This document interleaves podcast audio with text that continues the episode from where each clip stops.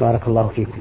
على بركة الله نبدأ هذه الحلقة برسالة وصلت من آه، المستمع إبراهيم. أيضا يا شيخ محمد يسأل عن قول الرسول صلى الله عليه وسلم إن في الجنة إلى شجرة يسير الراكب في ظلها مئة سنة. زاد في رواية لا يقطعها. الحقيقة هو لم يكمل الحديث. نعم. يريد شرحا لهذا الحديث. الحمد لله رب العالمين. وأصلي وأسلم على نبينا محمد وعلى آله وأصحابه أجمعين. هذا الحديث يشير فيه رسول الله صلى الله عليه وسلم إلى مثال من أمثلة النعيم في جنة النعيم. ذلك أن في الجنة شجرة يسير الراكب في ظلها مئة عام لا يقطعها. وهذا دليل على طول هذه الشجرة وأن في الجنة أشجارا عظيمة لا يدركها العقل. وهذا من مضمون قوله تعالى فلا تعلم نفس ما أخفي لهم من قرة أعين جزاء بما كانوا يعملون. وقوله تعالى في الحديث القدسي أعددت لعبادي الصالحين ما لا عين رأت ولا أذن سمعت ولا خطر على قلب بشر. وكل ما يذكر في الجنة من الفاكهة واللحم والماء والعسل واللبن والخمر والأزواج وغير, وغير ذلك كله لا يشابه أو لا يماثل ما في هذه الدنيا. وإنما يوافقه في الأسماء فقط. كما قال ابن عباس رضي الله عنهما ليس في الدنيا شيء مما في الجنة إلا الأسماء. وأما المسميات وحقائق هذه المسميات فإنه أمر لا يمكن أن يدرك في الدنيا. وكل ما خطر على قلبك من نعيم فإن نعيم الجنة أعظم وأجل وأكمل.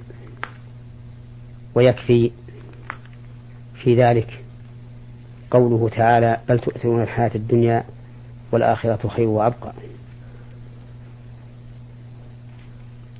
نعم. بارك الله فيكم.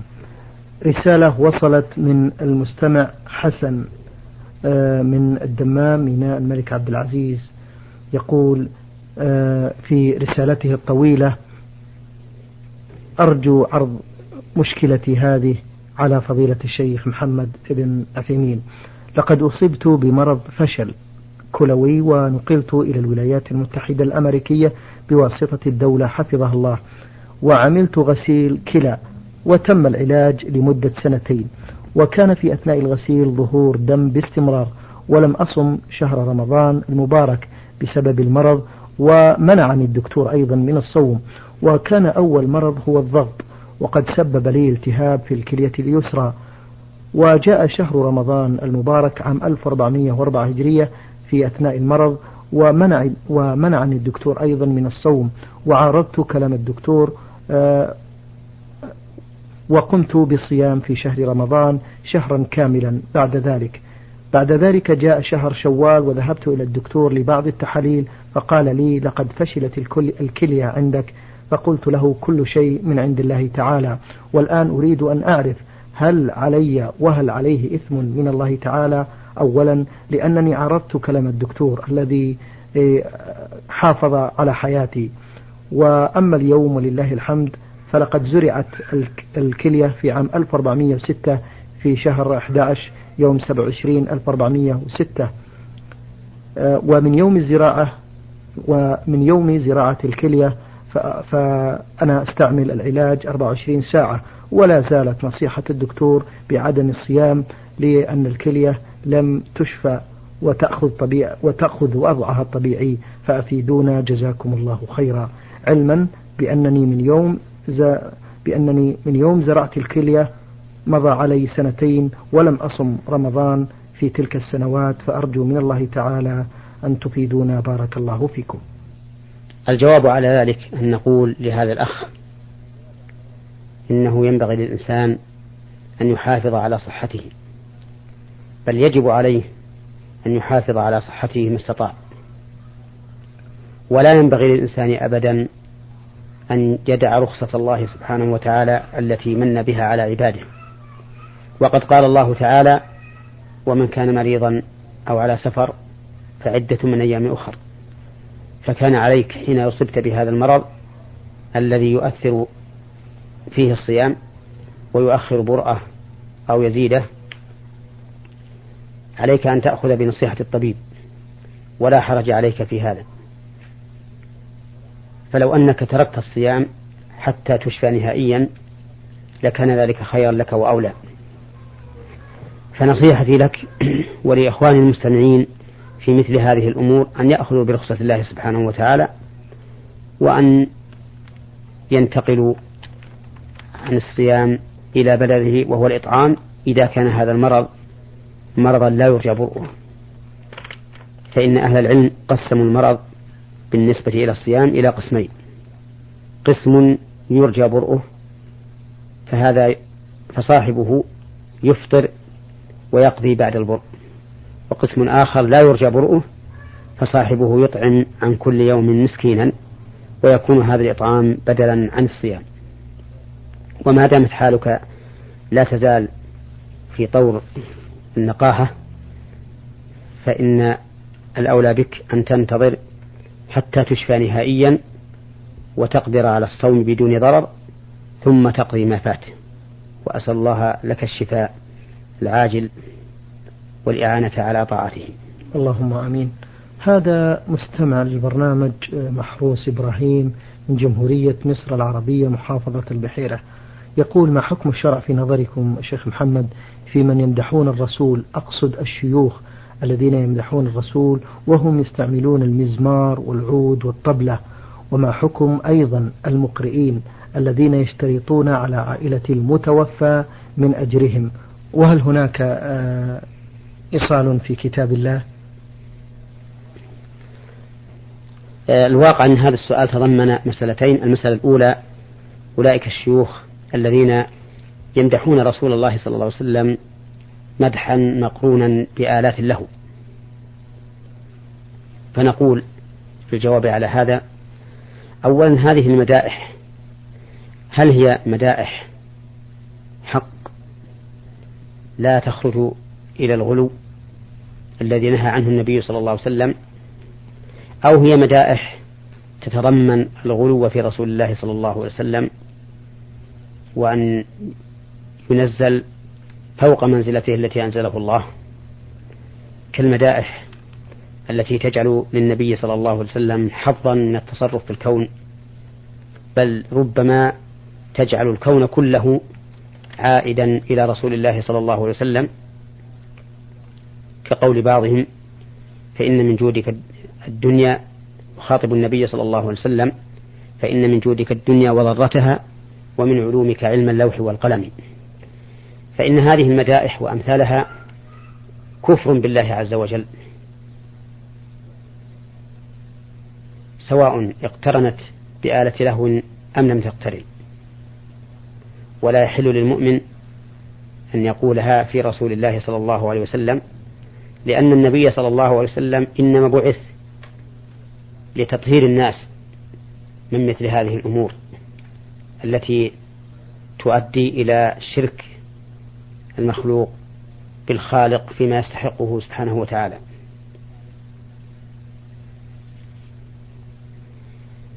ثم نقول ثانيا إذا كانت هذه المدائح مدائح حق لا غلو فيها ولكنهم جعلوها مصحوبة بهذه المزامير وآلة له فإن هذا محرم.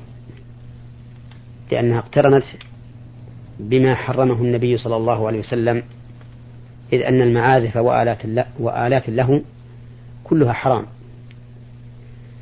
إلا ما استثني منها من الدفوف في, في الأوقات التي أبيحت فيها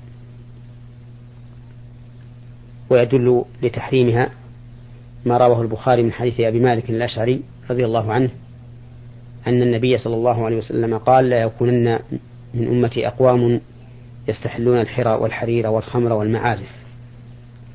والمعازف هي آلات, آلات له كما ذكر ذلك أهل العلم. وفي قرنها بالزنا وشرب الخمر دليل على قبحها وتأكد تحريمها. فهؤلاء الذين يمدحون رسول الله صلى الله عليه وسلم بالمدائح المقرونة بآلة له كأنما يسخرون به صلى الله عليه وسلم حيث مدحوه وعظموه بما حرمه على أمته ومنعهم منه. أما المسألة الثانية مما تضمنه هذا السؤال فهو قراءة القراء القرآن للأموات. بعد موتهم وأخذهم الأجرة على ذلك. فإن هذا أيضا من الابتداع في دين الله عز وجل. وقراءة القارئ الذي لا يقرأ إلا بأجرة ليس فيها ثواب لأن قراءة القرآن عمل صالح وإذا أريد بالعمل الصالح الدنيا حبط وبطل أجره. كما قال الله تعالى من كان يريد الحياة الدنيا وزينتها نوفي إليهم أعمالهم فيها وهم فيها لا يبخسون أولئك الذين ليس لهم في الآخرة إلا النار وحبط ما صنعوا فيها وباطل ما كانوا يعملون. وإذا بطل أجر أجره أي أجر هذا القارئ بالأجرة لم يحصل للميت انتفاع من قراءته. وحينئذ يكون هؤلاء الذين استأجروا القارئ يقرأ القرآن لميتهم قد خسروا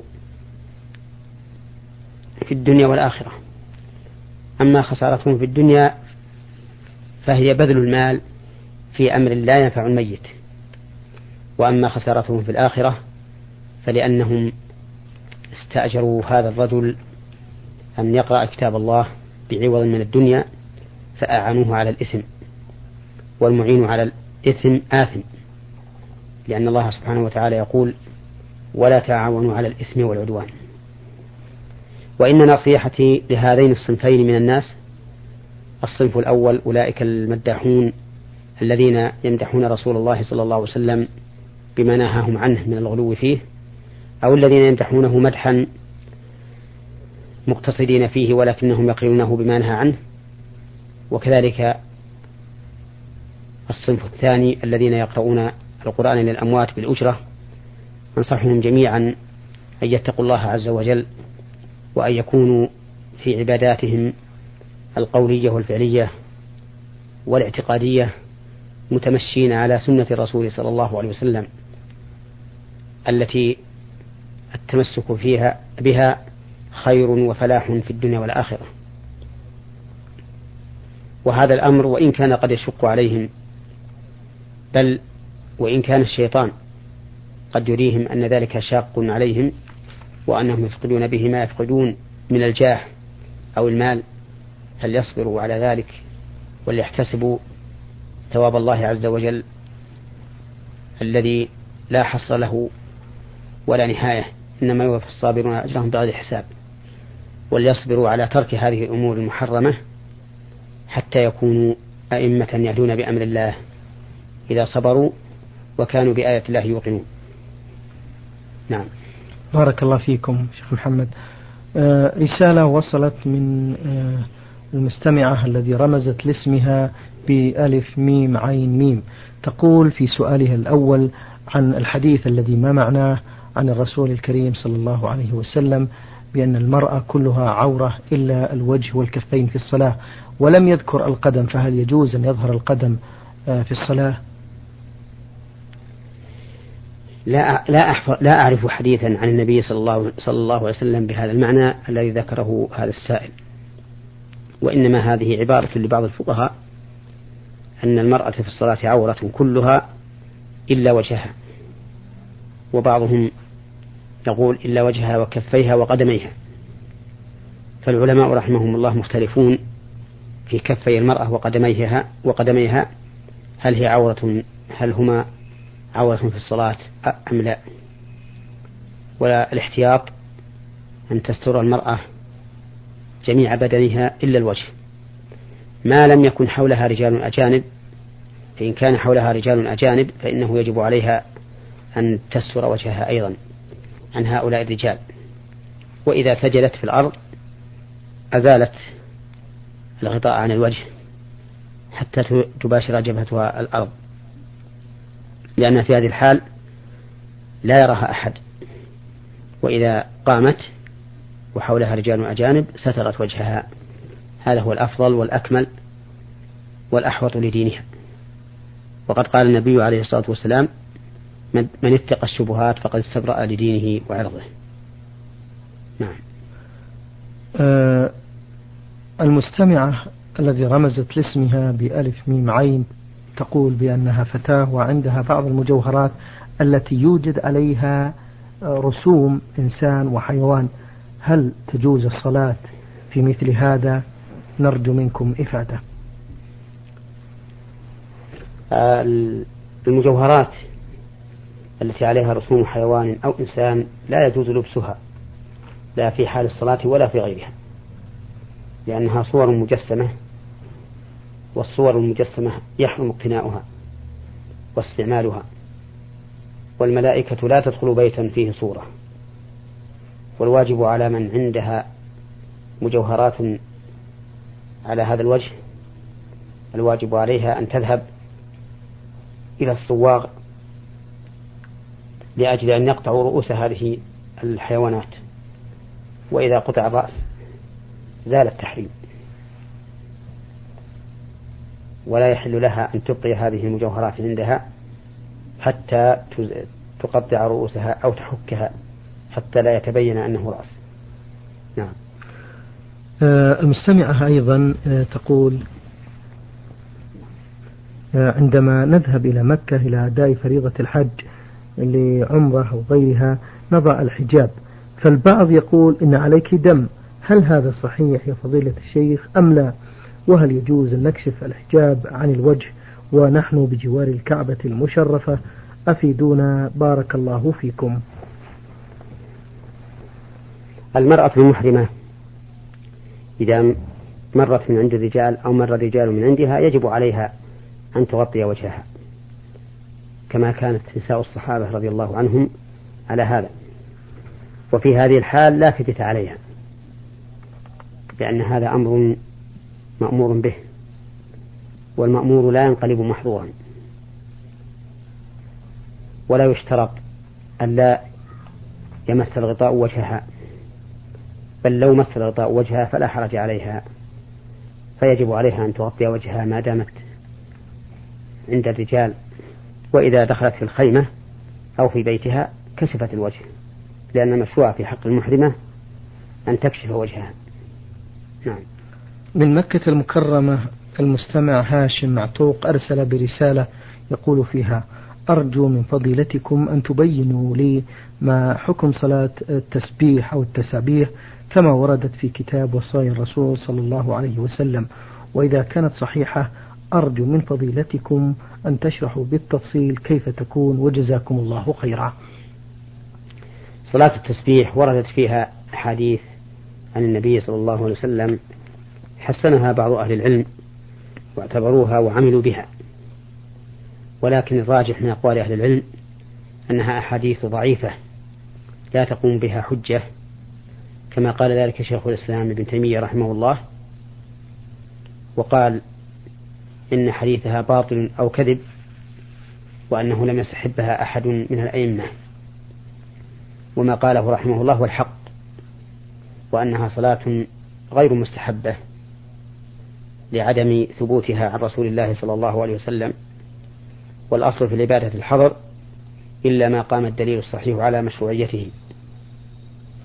وفيما صح عن رسول الله صلى الله عليه وسلم من النوافل ما يكفي عن مثل هذه الصلاة المختلف فيها. وإذا تأمل الإنسان متنها وما رتب عليها من الثواب تبين له أنه شاذ. لمخالفته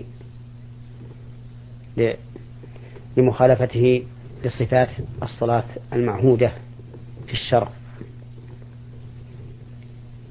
ولأن الثواب مرتب على فعلها في الأسبوع أو في الشهر أو في السنة أو في العمر ومثل هذا لا يرد على هذا الوجه. فالصواب في هذه المسألة أن صلاة التسبيح غير مشروعة. والله أعلم. بارك الله فيكم.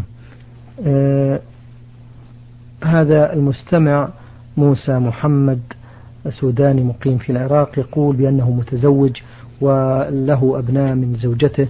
يقول سافرت من وطني لكي أحسن من وضعي وكانت فترة غيابي تقارب ثلاث سنوات مع العلم بأنه يقول لم أقطع عن زوجتي المصاريف والمراسلة باستمرار. فضيلة الشيخ هل لها بالشرع حق؟ وما هو آه، وهل علي إثم في هذا؟ أقول إن المرأة لا حق على زوجها أن يستمتع بها وتستمتع به بما جرت به العادة. وإذا غاب عنها لطلب العيش برضاها وكانت في مكان آمن لا يخشى عليها شيئا فإن ذلك لا بأس به لأن الحق لها فمتى رضيت بإسقاطه مع كمال الأمن والطمأنينة عليها فلا حرج في, في تغيبه لمدة ثلاث سنوات أو أقل أو أكثر. أما إذا طالبت بحضوره فإن هذا يرجع إلى ما لديهم من القضاة يحكمون بما يرونه من شريعة الله عز وجل. نعم. آه المستمع محمد حسين الشيخ أرسل بسؤال يقول فيه هناك بعض الأمور لم يسنها الرسول صلى الله عليه وسلم أو سنها ولم يؤكد عليها فهل يجوز لنا العمل بها؟ أما ما لم يسنه الرسول عليه الصلاة والسلام فإنه بدعة. وقد حذر النبي صلى الله عليه وسلم من البدع. وقال عليه الصلاة والسلام كل بدعة ضلالة وكل ضلالة في النار. وأما ما سنه ولم يؤكده فإنه إذا ثبت أنه من سنته عليه الصلاة والسلام كان من سنته وكانت المرتبة التي تليق به. فإن كان مؤكدا صار سنة مؤكدة وإن كان دون ذلك صار سنة غير مؤكدة. ومثال السنة غير المؤكدة قوله صلى الله عليه وسلم صلوا قبل المغرب صلوا قبل المغرب صلوا قبل المغرب وقال في الثالثة لمن شاء كراهية أن يتخذها الناس سنة أي أن يتخذوها سنة مؤكدة راتبة. فالخلاصة أن ما لم يسنه الرسول عليه الصلاة والسلام فهو بدعة ولا يجوز لأحد أن يتعبد لله به وما سنه ولم يؤكده كان سنة في المرتبة التي جعله الشارع فيها. وما سنه وأكده فإنه قد يكون واجبا وقد يكون سنة مؤكدة حسب ما تقتضيه النصوص الشرعية. بارك الله فيكم. نختم هذه الحلقة برسالة